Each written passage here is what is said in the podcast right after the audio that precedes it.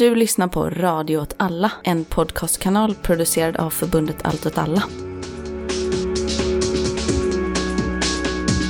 taking a close look at, at what's around us, there, there is some sort of a harmony. It is the harmony of overwhelming and collective murder. There is no harmony in the universe. We have to get acquainted to this idea that there is no real harmony as we have conceived it. When I say this, I say this all full of admiration for the jungle. It is not that I hate it, I love it. I love it very much, but I love it against my better judgment. Du lyssnar på Radio åt alla, rekreation. Eh, Vi är tillbaks efter en lång eh, paus. Vad, vad var det genomsnittliga pausen 2022? Nio veckor. Ja, Jag tror vi har bräckt det. vi har bräckt den. Ja. Med en månad, Ja. kanske. Eh, Mitt namn är Kalle och jag sitter här med Martin. Hej, hej. Vi tänker ju att vi ska öka takten, inte bara till att återgå till nio gånger i veckan, eller nio, nio, nio Var nionde vecka. var nionde vecka, utan att vi ska öka takten till kanske varannan vecka. Ja, precis. Fast att vartannat avsnitt är väldigt, väldigt mycket kortare. Ja, Va, va, hur, hur, du, du, det är du som har kläckt konceptet. ja, det är egentligen en ren kopia på Novara Media. Alltså Så, på ACFM. ACFM, att de har eh, ett huvudavsnitt som heter Trip. Ja, Och sen har de ett sidoavsnitt som heter Microdose. ja, så vi ska bara sno det Exakt. Med, med att också ha eh, varannat avsnitt ungefär är, är ett pytteavsnitt. Ja, Eh, I deras fall så är det ju att varannat avsnitt är ganska dåligt. det är min favoritpodd i hela världen. Men, Ja. men vartannat, nej, det är avsnitt, huvudavsnittet är mycket bättre. ja, vartannat avsnitt är ju typ oklippt. Men jag tänker, eh, det är väl också ett sätt att eh, stöka undan lite av det tråkiga i våra huvudpoddar till ett eget och då blir, jag tror det kommer bli roligare. Ja. Alltså att man har mer så renodlat, eh, eh, liksom mer det här pedagogiska, ta, man tar sitt pedagogiska ansvar i de här små Ja. poddarna. Exakt. Medan så får man bre, bre ut i de lite längre poddarna. Ja, exakt. och det är också i de lite längre poddarna vi kommer ha gäster och sånt fortsatt. Så, Har, har vi inte planerat redan några avsnitt framöver? Jo, det har vi, men eh, det är, inte, det är som vanligt inte helt fast. Nej, okej. Allt flyter. Ja. men men vi, kan ju, vi kan väl i alla fall säga att nästa, nästa avvikelse, som vi alltså ska kalla de här pytteavsnitten, Mm, eh, kommer handla om multituden. precis. Vem ska göra det? ska det heta så? Ja, tänker jag. Rekreation, avvikelse, vem ska göra det? Exakt. Det är väl- väldigt bra. Det är väl det när man diskuterar just multituden relation med andra klassbegrepp så är det i slutändan hur man ser på vem det är som ska göra det. Ja, ja verkligen. Eh, alla är överens om vad som bör göras. Exakt, men frågan är vem? ja. Vem är värdig? Men idag så ska vi prata om en bok som eh, jag har läst under typ ett års tid. Ja. Vilket inte motsvarar svårigheten av Nej, det, att läsa jag boken. tycker att den är eh, konstigt pedagogisk och schysst. Ja, exakt. Den är jättelätt att läsa. Ja. Eller. Man har kanske viss för, förförståelse. Ja, det hjälper ju att ha själv varit med i diskussionerna som ledde till Ja, exakt. Och den boken då, det är Neither Vertical nor Horizontal av Rodrigo Nunes. När är den ifrån? Det är 2020 va? Jag tror det. Eller så kanske det är 2021 till och med. Jag ska kolla här. Här står Så nu ska vi titta. Ja, men 2021. Mm. Ja, och Rodrigo Nunes är en mångårig aktivist och akademiker från Brasilien men som har bott i Europa Mm. från och till. Han rör sig i den här kretsen som vi har pratat en del om och intervjuat, alltså Kim Milborn, Mm. eh, Mark Fisher och så vidare. Ja. Och eh, den här boken är ett sätt att hantera både att 2008 inte riktigt ledde till de rörelserna man tänkte sig, Mm. men inte heller ockupationsrörelsen och den vänsterpopulistiska vändningen 2011 och Mm. framåt. Eh, och det är ett, ett sätt att eh, fördjupa och förändra diskussionen om vilken form radikalrörelse ska ta. Ja. Och 2008 då är det då en referens till eh, skuld, eller ja, skuldkrisen kan vi kalla det. Ja. Och 2011 är det ockupationsrörelserna i Spanien och, och Grekland. Men också arabiska våren. Och arabiska våren och så vidare. Och där då, det, det man identifierar 2008 och framåt är ju att den här eh, idén om, alltså om man tittar på då, inte Muslimska brödraskapet, för de har väl en väldigt strikt, strikt organisation. Ja, men också väldigt lös. Men också väldigt löst. Men, eh, men att eh, i de här rörelserna så var den här extrema horisontalismen, alltså den platta organisationen, Mm. eh, väldigt vedertagen då. Ja. Som var någonting man började experimentera om kring globaliseringsrörelsen när man försökte starta en ny typ av vänster, Ja. liksom utifrån någon form av nätverksprincip med lösa strukturer och platta Ja. strukturer. Tidigt 00. Eh, Exakt. stora möten i ring.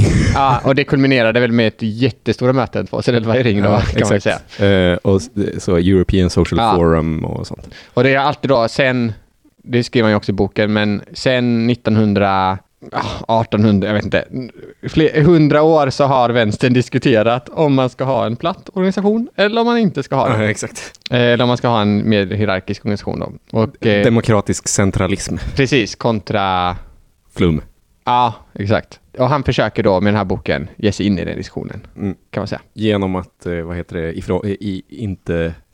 Alltså det är inte att han inte tar sida. Nej. Det är bara att han åsidosätter hela diskussionen. Ja, jag tycker ändå att det genomlyser, eller så... Det problem- genomlyser ju ett arv från antiglobaliseringsrörelsen. Precis, och jag tänker också att hans problemställning som han tar upp mycket i boken är ju också att han, han är ju väldigt positiv till platt organisering. Ja, men, men he- På hela, ett rimligt sätt. Liksom. ja, hela boken är ju väldigt mycket en kritik av platt organisation. Men det är ju för att kritiken mot vertikala organisationsformer är så självklar. Exakt. Och, då, men i- och det han för fram i boken är det, i början av första kapitlen så diskuterar han ju mycket just kring liksom, hur vänstern har utvecklats sen ryska revolutionen egentligen och framåt. Och hur, de, organis- eh, och hur diskussionen kring organisi- organisation har sett ut då. Och Mm. från vilka synfält och varför liksom man har fastnat i idén om organisationsformerna. Det är Ja. när han pratar om vänster, melankoli, Ja. att det är så här, man fastnar i idén om att i framtiden kommer det bli bättre, och så, Ja. eller kommer vi vinna liksom, så blir det aldrig någon framtid. Och då Ja. hittar man så här skäl till att, till att det inte blev så. Och då är det ju ofta att man fastnar liksom på så här detaljfrågor kring organisationen eller kring liksom hur den såg ut 1917 eller hur Ja, den såg ut 68 eller vad som hände 2011. Så. ja, men det är också för att eh, det man kan ta fasta på från historien Mm, är ju väldigt lätt. Alltså det är ju lätt att ta fasta på organisationsform. exakt. Han försöker också ge sig på idén om vad en organisation överhuvudtaget är. Ja, och vad som är poängen i att, Precis. att ha organisation. Mm. Och, då är, och då är hans, ja vi, vi kommer komma in på det mycket mer, men hans poäng är ju väldigt mycket att det vi definierar som en organisation är ganska löst. Det måste inte vara på ett visst sätt. Nej, precis. Han är, jag tycker han gör... Eh, hans definition av organisation är ju väldigt bra, för den är ju så här. Det är ett kollektivt sammanhang där man samlar liksom mänsklig energi och riktar den åt ett håll. Mm. Exakt. Det är en organisation. Och att den mänskliga energin på något sätt också lagras. Exakt. Alltså för att eh, motsatsen till organisation är ju på något sätt icke-organisation. Och det Alltså finns så- ju inte i mänskliga samvaron, tänker jag. Nej, exakt. Men, men, men man, om man ska ta en parallell så är det väl så kortlivade vängrupper Mm. som bara gör enskilda händelser och inte tar på sig dem och sådana saker. Mm. Det finns liksom inget kollektivt minne i det. Det finns, Nej. Det finns liksom ingen... För, för organisation, bygg, eller tanken på organisation bygger ju på att man vill på något sätt bevara det man gör. Mm. Alltså att det ska leva vidare på egna premisser. Liksom. Och, och då, men hans idé blir ju då också att en effektiv organisation är en organisation då som kan ta vara på den här mänskliga energin Mm. och rikta den åt rätt håll. Exakt. Och, ehm, och det tycker jag är en... Det, det, det var ändå någonting jag tog till mig när jag läste boken. För det var ganska... Det, det blir att man får eh, en mer dynamisk eller liksom mer flexibel syn på organisering. Ja. För då betyder det ju att man hela tiden måste utvärdera och, och göra om eh, saker så att Ja. man hela tiden liksom eh, tar den här energin och riktar Ja. den rätt så att man inte hamnar i ett läge där det bara blir en energislukande Ja, maskineri. för, liksom. för du, nu säger du energi, för att i boken så står det energy. Mm. Men man hade ju lika gärna kunnat översätta begreppet till ork. Att, att en organisation är en uppsamling av ork. De här människorna, de här individerna men jag, har tillsammans en bestämd mängd ork. Liksom. fast jag tycker inte man kan se det så fast. Eller jag tycker energi Nej. är bättre för det är ja, mer av ett, ett, ett flöde av, av någon form av affektskapande. Ja. Liksom. Alltså att det är så här, om man börjar prata om ork, då har man ingen energi längre. Nej, jag håller ju med. På något sätt. Så, jo men att det blir så här, Skjut mig att den man dagen måste, jag sitter och pratar om... man måste att- orka, man måste orka gå på möte.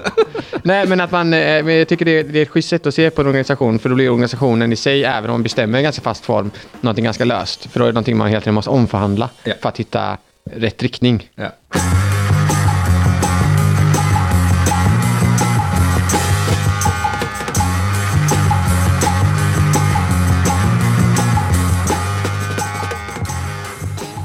Det jag har tagit mest fasta, jag läste ju boken när den kom och sen har jag inte öppnat den Wow. sedan dess. Men, men, men det jag har tagit fasta på sen jag läste boken mest är ju begreppet politisk ekologi.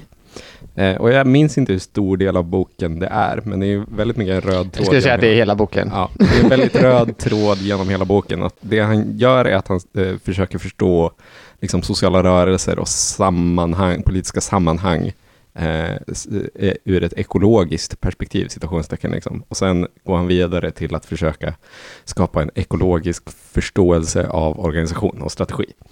Eh, Men, men om man då ska börja med liksom den ekologiska förståelsen av sociala rörelser mer brett, så är det ju att han ser hur framgångsrika rörelser är de som eh, inte är fasta i sin, i sina, i sin form och sina gränsdragningar, men som utgörs av aktörer som kan vara det. Liksom.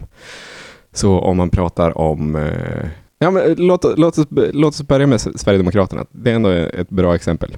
För de, eh, eh, när, de, när de grundas så är det en, en weird ass mylla av så missnöjespartier i Skåne som typ vill ha fri sprit och ingen invandring kombinerat med organiserade nynazister. Och så, och, så, och så finns det absolut en gränsdragning. De som, de som vill beväpna sig och döda poliser, de hoppar av. Men gränsen är ganska lös, liksom, för man kan fortfarande hänga med de som ville döda poliser. Och, och i, i den miljön så tar man hela tiden kraft av varandra.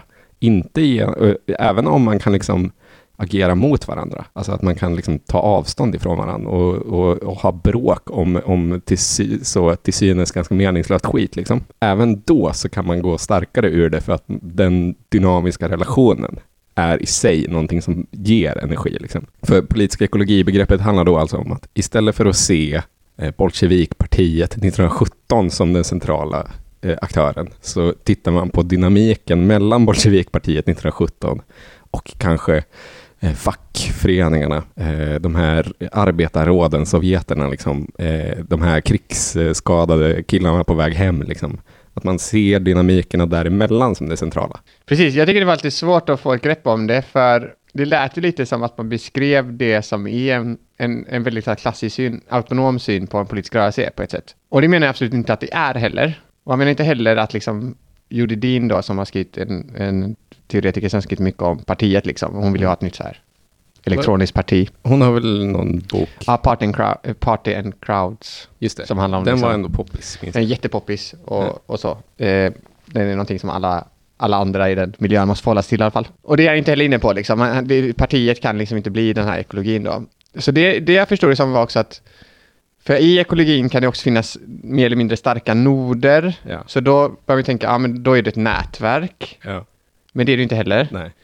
Så då tänkte jag att poängen då med att ha det ekologiska begreppet, som, om jag har tolkat honom rätt när han skriver om det, det är ju att i den här ekologin så finns det inga rätt eller fel på hur den politiska organiseringen ska se ut. Nej. Att det är det som är lite skillnaden mot när man tänker typ, ja den här rörelsen är nätverksstrukturerad, Ja, eller den här rörelsen består av massa frontorganisationer från kommunär. Ja. Alltså att det är så här, det är det som är skillnaden. Ja. Att också formerna för organisationerna som, som utgör det här ekologin tillsammans med influencers och annat nämner han ju, eh, som liksom interagerar, att, det är, att, att formerna i, i, inom ekologin skiljer sig åt på något sätt. Att det Ja. är en viktig poäng. Ja, för, för det är För att hålla isär bara, för annars Ja. blir det lätt att man bara tänker, ja men det här låter exakt som när Negri beskriver autonomierörelsen Ja, på exakt. 70-talet. i- Det låter exakt som European Social Forum.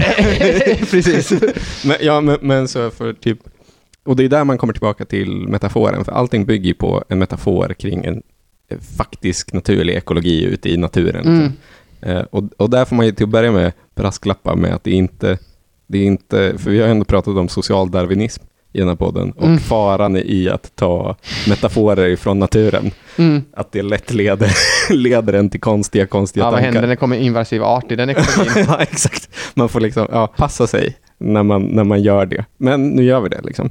Eh, och då är, metaforen är då, om man ser till ett ekosystem ute i naturen, så rör det sig om massa olika typer av arter, eh, massa olika typer av liv. Liksom. Eh, det finns någon liten räv liksom, som är helt beroende av att det finns grönska den kan gömma sig i och helt beroende av att det finns små andra djur den kan äta.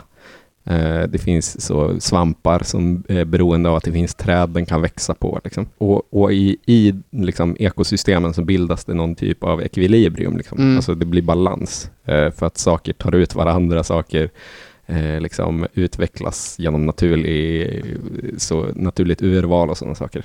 Eh, Det finns liksom inget fel svar. Det går inte att säga så. Den där svampen som beter sig jävligt weird, den är fel i den här ekologin. För då, Mm. kommer den ändå inte, då kommer den ändå dö ut. Men när den dör så kommer den också ge näring till nya saker liksom, i marken. Så det är det, det förhållningssättet man ska ha till liksom, sociala rörelser.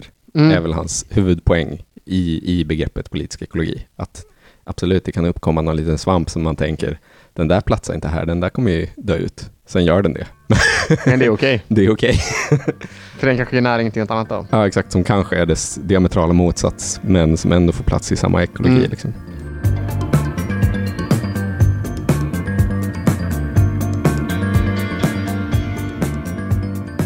För jag, jag har ju då tänkt mycket kring ekologi i relation till mig själv eh, och sammanhang jag befinner mig i. Liksom. Eh, och vår vän Mattias Våg som driver vår systerpodd Apans anatomi, han har ju också tänkt mycket kring det. Men där tycker ju jag att Våg har missförstått. eh, för Våg, eh, när den här boken kom så skrev ju han texter eh, i så Flamman och Aftonbladet tror jag det var. Där han, där han bara skrev om att eh, Eh, partiet behöver ha en, en mer eh, en bättre kontakt med rörelserna. Liksom. Att Greta Thunberg, när Greta Thunberg är ute och går och skriker och be, eh, så kräver saker, då borde Miljöpartiet vara där och vara lyhörda. Vänsterpartiet borde också vara lyhörda mot sin, sin, sina gräsrötter, som också för övrigt är en passande, passande att vi har det uttrycket i ekologidiskussionen. Liksom. Men där, där, när jag läste den här boken så tänkte jag i stort sett tvärtom. Att det, att det är skitsamma huruvida de är lyhörda eller inte. Alltså att, för det man vill ha är ju en dynamisk relation där lyhördhet inte spelar någon roll. Mm. Alltså där det inte spelar någon roll att eh, partiet som är en del av ens ekologi liksom, eh, eh, eh, bugar sig för rörelserna. li- Liksom. Utan det ska ju vara snarare att man har en dynamisk relation som kan gå åt båda håll. Liksom. Och där, där ens påverkan på liksom, partiet, eller vad man ska säga, kan vara det kan vara att de eh, tar direkt avstånd från vissa saker. Det kan vara att man har en skitdålig relation. Liksom. Men det spelar liksom ingen roll för att eh, det man gör ändå på något sätt producerar en ny liksom, subjektivitet tillsammans. Liksom. Mm. Det är inte att ekologier skulle jag säga är ganska dåliga sätt att förklara varför specifika reformer går igenom exempelvis. Att det är så, det kom ett krav ifrån gräsrötterna och bla bla bla. Liksom. Däremot så tror jag att det kan vara ett, eh, ett väldigt bra ramverk för att förstå hur subjektivitet kan uppstå. Liksom. Och, jag, och jag tänker att det man vill ha är ju en brokig miljö. Liksom. Man vill inte ha den här likriktningen av att Miljöpartiet ska sitta på en massa tråkiga möten tillsammans med folk. Och man vill framförallt inte att de här aktivisterna ska, ska behöva hålla på så. Liksom. Det man vill ha är ju folk som gör saker som de tror på och sen testar dem och som liksom försöker uppnå dynamiska relationer med andra. Liksom. Mm. Ja, men det, det, är väl, det, är väl också en lite av en kanske eventuell då svaghet i hans bok. För han är ändå så här när han diskuterar typ att ja, men det behövs ju en ny... Han är ändå så här, han, han säger ändå att det behövs en ny...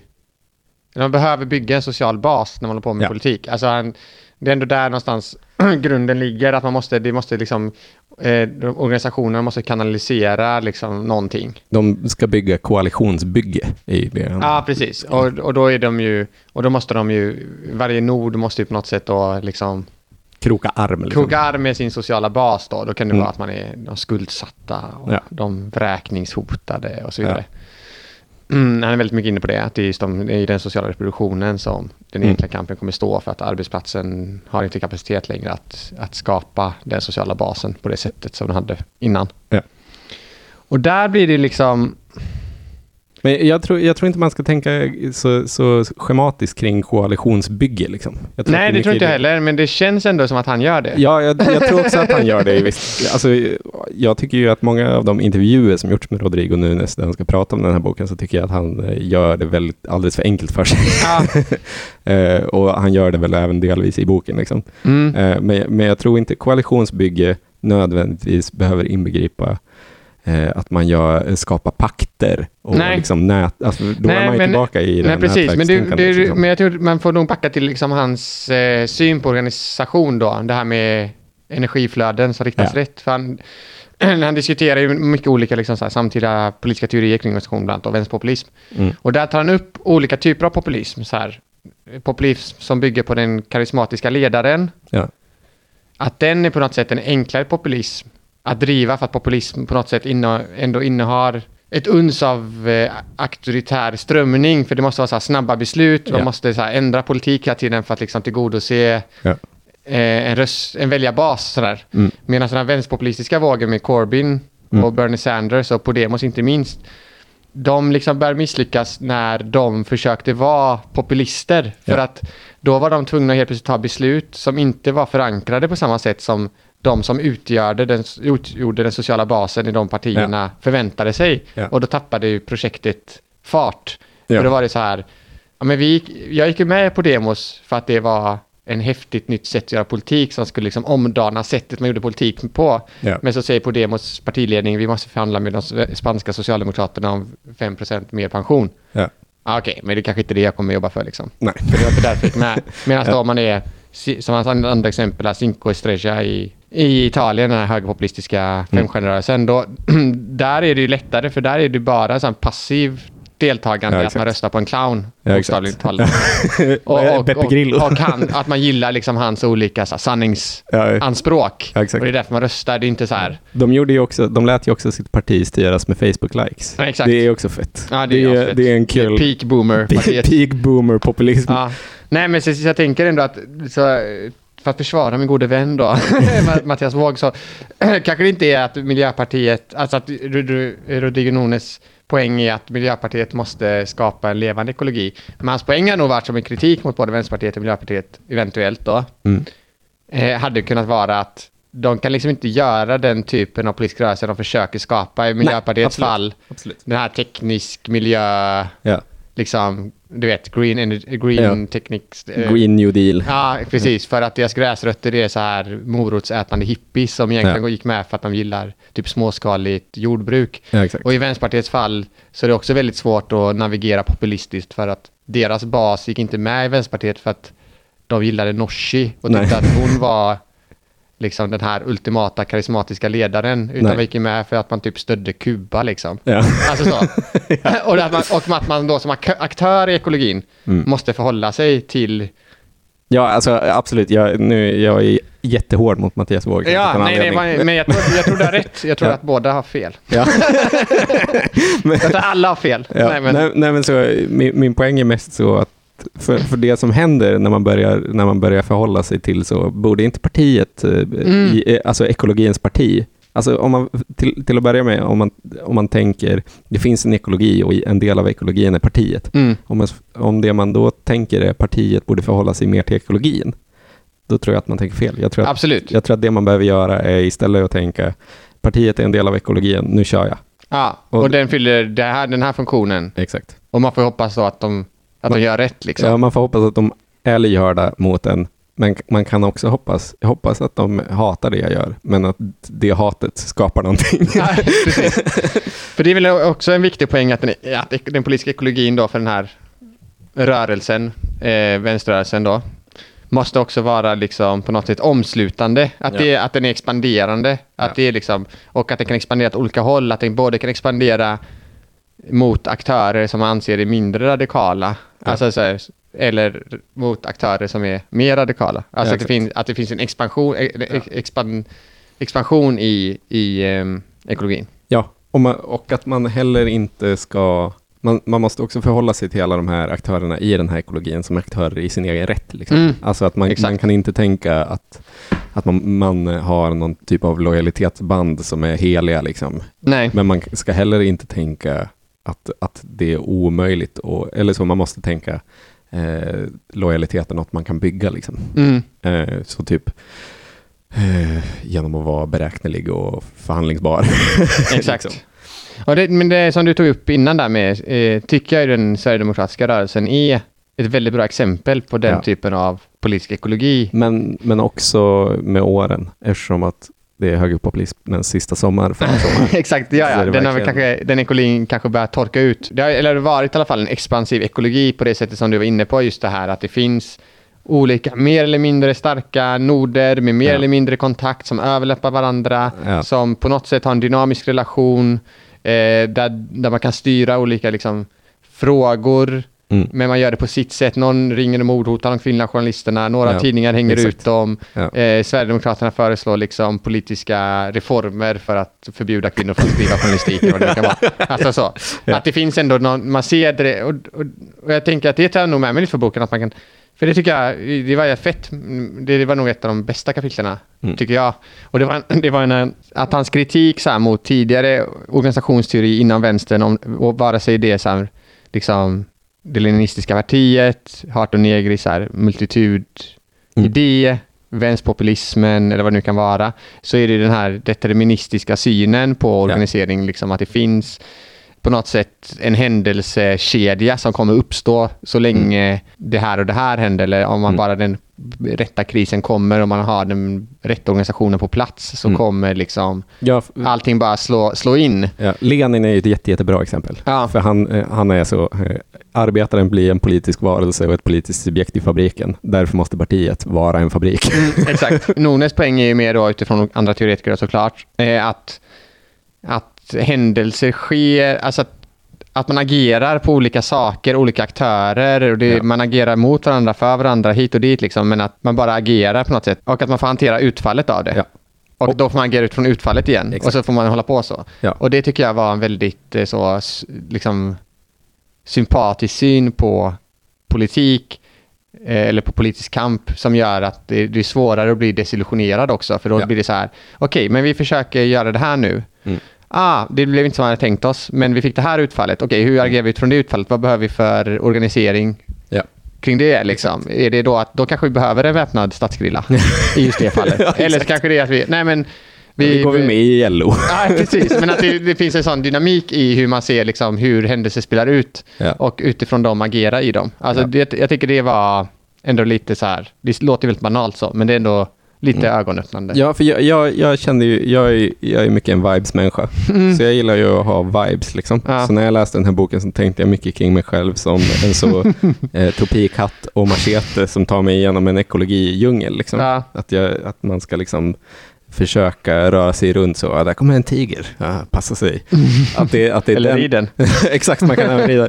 Men att det är den inställning man får ha till Ja. politik. Liksom. Precis, och det, ty- det tycker jag ändå, som han själv skriver, att det är också ett, för han är så här, ah, det här kanske är, kanske man blir deppig av att höra att det inte kommer bli kommunism per automatik. Men, men det är också ett mer positivt syn att se Ja. på samhällsförändring, för då blir ju det som varje enskild person gör, som man också är inne på, blir viktigare på något sätt. Ja. Om man ser på, på, på liksom samhällelig förändring på det sättet istället Ja. för att det är så här, det här subjektet måste göra det här, Ja. då kommer det här ske. Ja. Utan att det är mer, okej, men de, det, vi identifierar här att de skuldsatta är liksom en, väldigt viktig grupp. Att liksom kanalisera, deras energi måste kanaliseras på något sätt liksom för, Mm. för att det här ska ske, den här förändringen ska ske. Vi gör vi det på bästa sätt.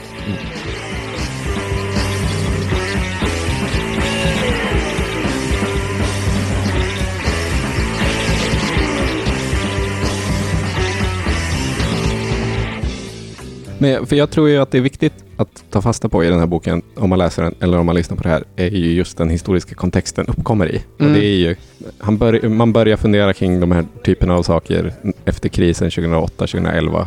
Eh, sen går den, alltså den rörelsevågen som börjar 2011, den går på många ställen till sitt slut kring Mm. 2020-2021. Mm. Alltså så Jeremy Corbyn eh, torskar 2019, Bernie Sanders torskar 2020, Podemos verkar vara över. Liksom. Men, men i alla fall, så, det, så det, det tar slut. Och, många, och då är det många som har varit kritiska mot så vänsterpopulismen.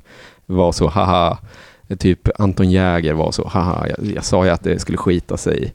Eh, det var bara ett misslyckande från början. Eh, ni, ni borde lyssnat på vad jag sa. Eh, och då framförallt i det brittiska exemplet så, så blir det ju väldigt tydligt då efter den förlusten 2019 att folk eh, satte sig ner och utvärderade och skapade nya saker utifrån Mm. det. Eh, och då var det ju så att många av de liksom vänster om Labour-organisationerna som fanns innan Corbyn fortsätter att inte finnas. Alltså det är inte så att folk gick tillbaka och startade upp, eh, utan det var ju att man tog fasta på den nya situationen. Och den nya situationen kan ju för många ha varit att man eh, fortsätter vara kvar i Labour, men också gör andra saker. Liksom. Och, jag, och jag tänker att det är just det att efter den förlusten, att inte saker gick tillbaka till hur de var innan, är en väldigt, är en väldigt viktig liksom, erfarenhet. Eh, att misstag, alltså så, man kan varit så, det var ett misstag att sätta all sin tillit till ett, ett så stort paraplyparti som Labour.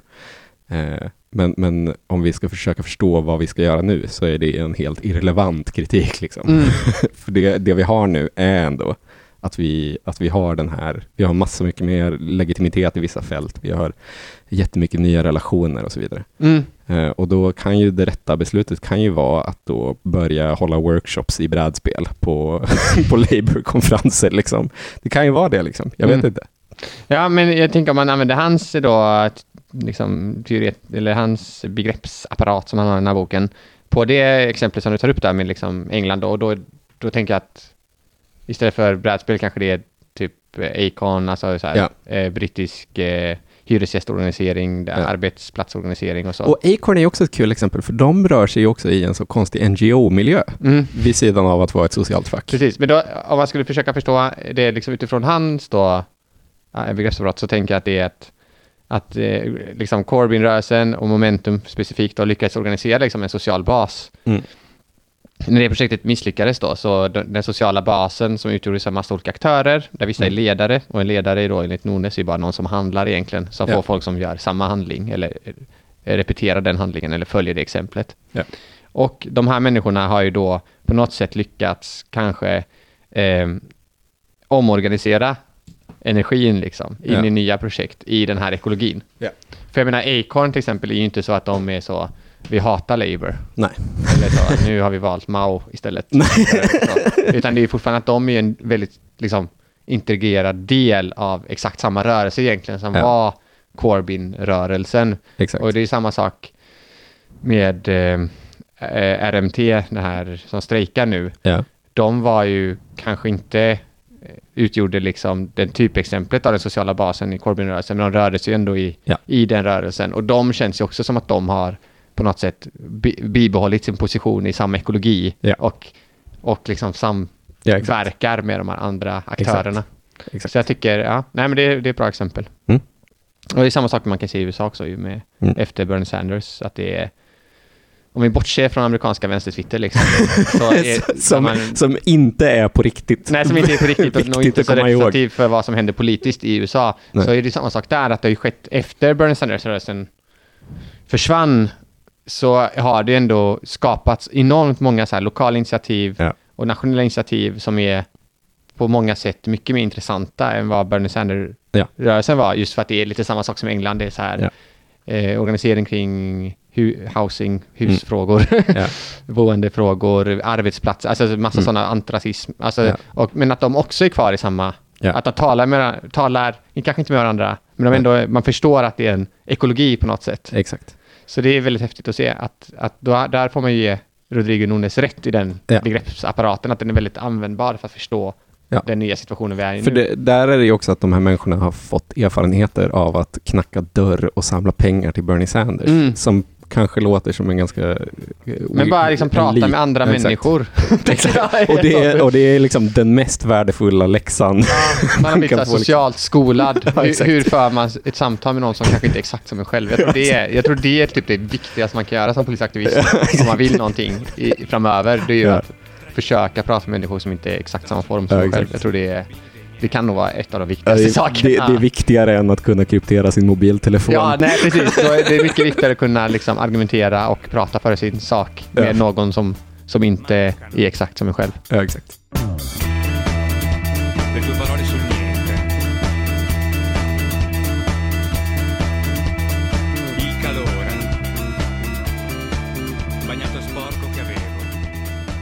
Om man anser då att en- den här ekologin, det är ju någon form av vänsterrörelse liksom. Mm. Så blir ju diskussionen, vad, vad, vad är taktik och vad är strategi där? Ja.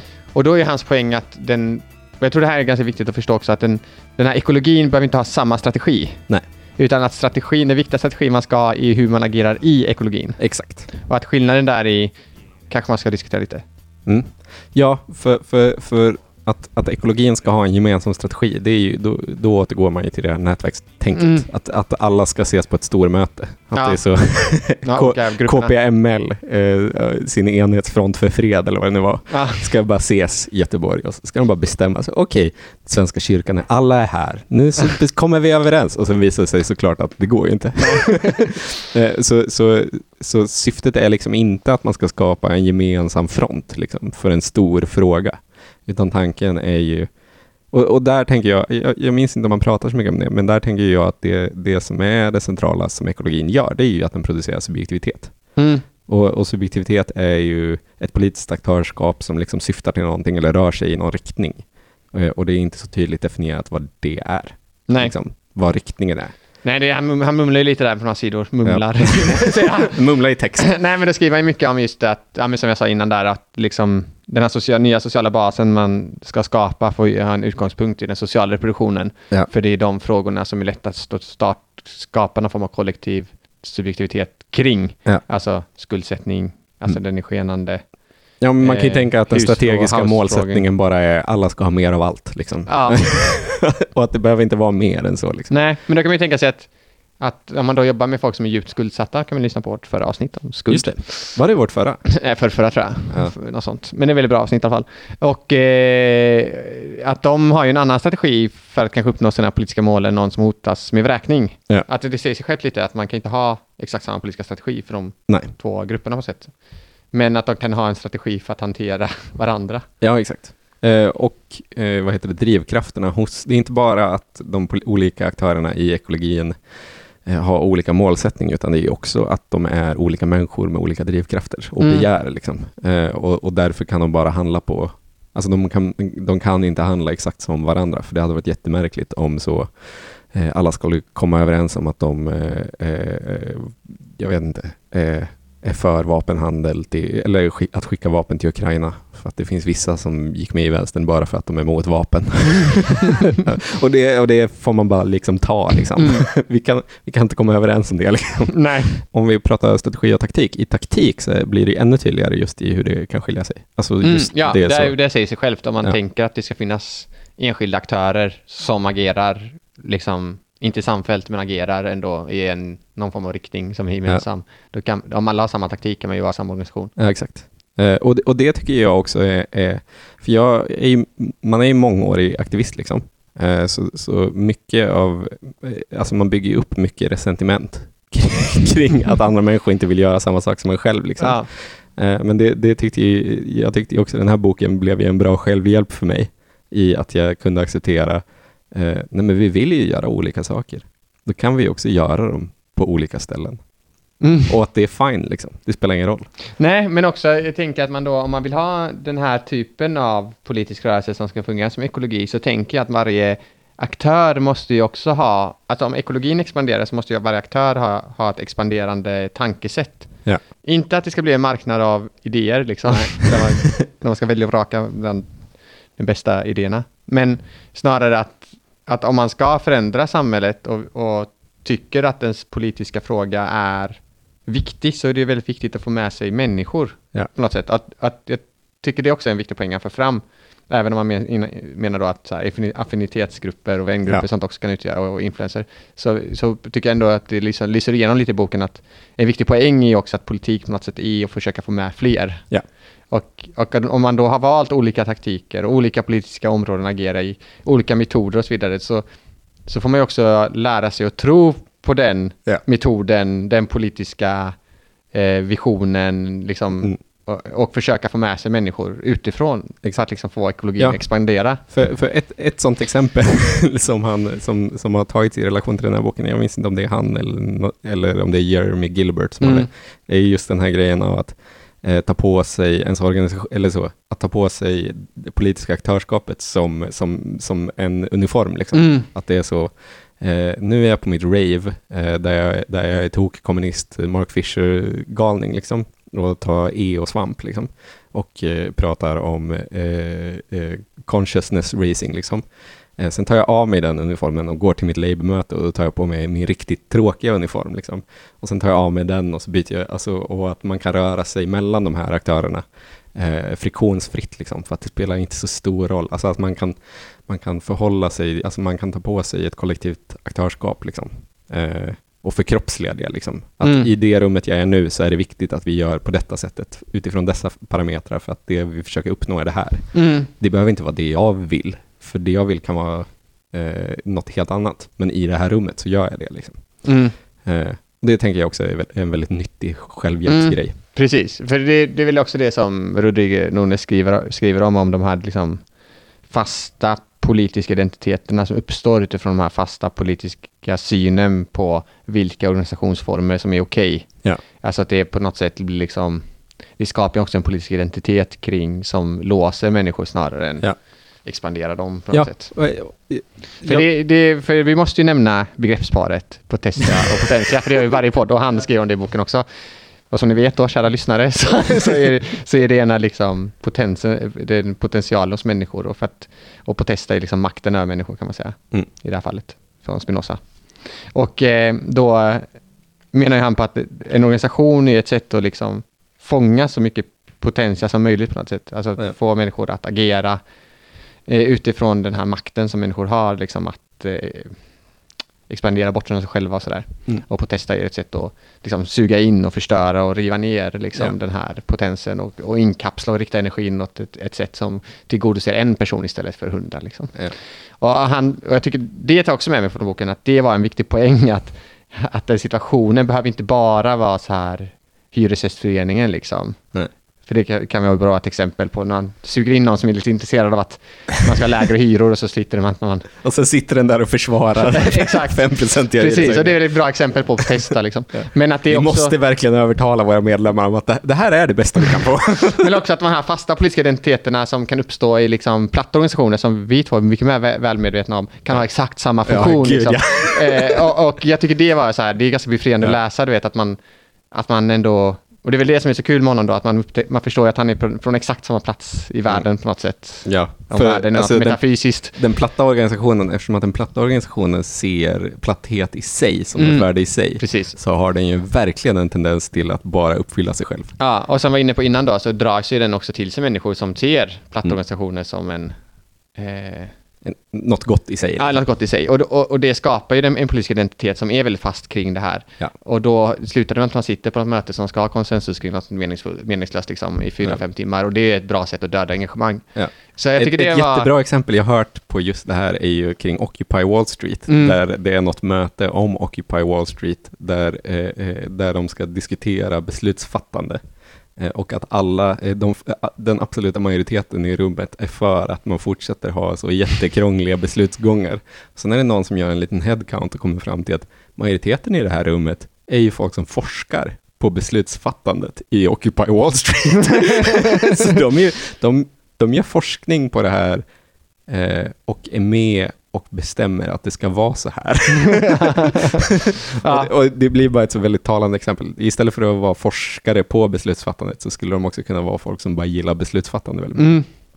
Precis, men, men jag tycker ändå det, det är en viktig grej att kanske ta med sig i all typ av politik, oavsett vilken organiserad form man väljer att liksom sprida sin, den sociala basen man vill organisera sig energi åt. Ja. Så jag tänker ändå att det kan vara viktigt att tänka då på hur, hur har man maximal potential liksom. Mm, exakt. Det är väldigt svårt också att förstå vad händer den dagen den politiska ekologin börjar vinna? Ja. Vad händer då? Eller så här, hur...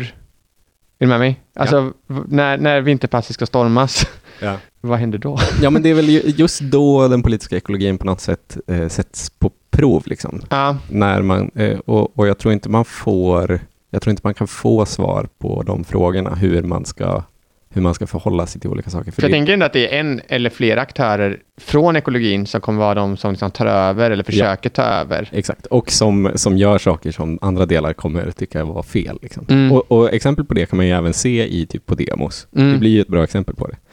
Eh, men jag tror inte man kan få svar på hur man ska hantera det Nej. Liksom, i den här boken. Och jag tror generellt sett inte att man kan få så Nej, jag mycket tänker svar också på det. Att det, det, det skulle gå emot idén också om att, liksom, att det inte finns någon form av given organisationsform. För Nej, om, exakt.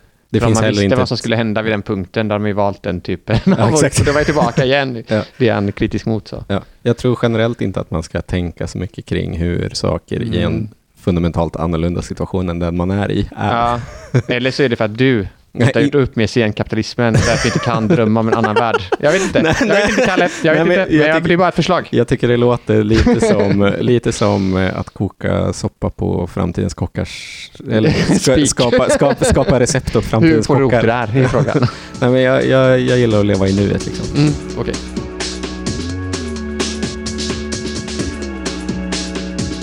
Eh, ska vi avsluta? Ja, Jag tycker, Det tycker att, jag tycker att vi hanterade även frågorna som vi tänkte att vi skulle göra väldigt eh, strikt. Att vi skulle börja nya prator. mm. Jag tycker att vi gick in på dem rätt bra ändå. podden blev ekologisk. Ja. Jo, men det är väl schysst liksom. Mm. Ska vi göra reklam för vår Patreon? Ja, bli Patreon. Eh, du kan ge hur mycket som helst. Och Kalle, varför ska man bli Patreon? Du får ett frågeavsnitt av Eldrörelse. Eh, Wow. Inte, vad jag vet, inte helt bestämt hur ofta vi släpper dem. Det är Nej. jag som kommer klippa. Vi kommer ha eh, speciell eh, jingelmusik Wow. producerad av allas vår VV Döskalle. Eh, det kommer vara toppen. Mm. Eh, Och man kan ju säga också att det, om man blir månadsgivare så kommer inte pengarna enbart gå till Martin och Myrans krigsfigurer. nej, Utan de kommer gå till utrustning, Ja. lokalhyror, eventuella kostnader för att göra podd eh, som klippare och annat. Det kommer alltså gå till att start, fortsätta bygga en av Sveriges bästa vänstermediekanaler. Eh, och vi kan nog ändå lite lova att det kommer komma mer Patreon-exklusivt innehåll. Ja, Det kommer, vi är lite inne på att göra sådana... ja, du och jag, Mm. vi är inne på att göra ett avsnitt som bara diskuterar världens bästa progglåtar. Exakt, Där vi men, pratar om dem. men också AI-genererade videos Har vi pratat om Ja, just det. byggda på våra poddar. Det är en väldigt dålig grej. Men det kanske blir så. Det kanske blir så. Vi kanske tappar några eh, Patreons. Och då kan man ju ta syra och titta på dem. Ja, exakt. Det kan, kan också vara så att vi gör en dålig grej. Men vi kommer ändå lära oss någonting. För att vi har en ekologisk förståelse av det vi gör. Exakt. Tack så mycket för att ni lyssnade. Hej då.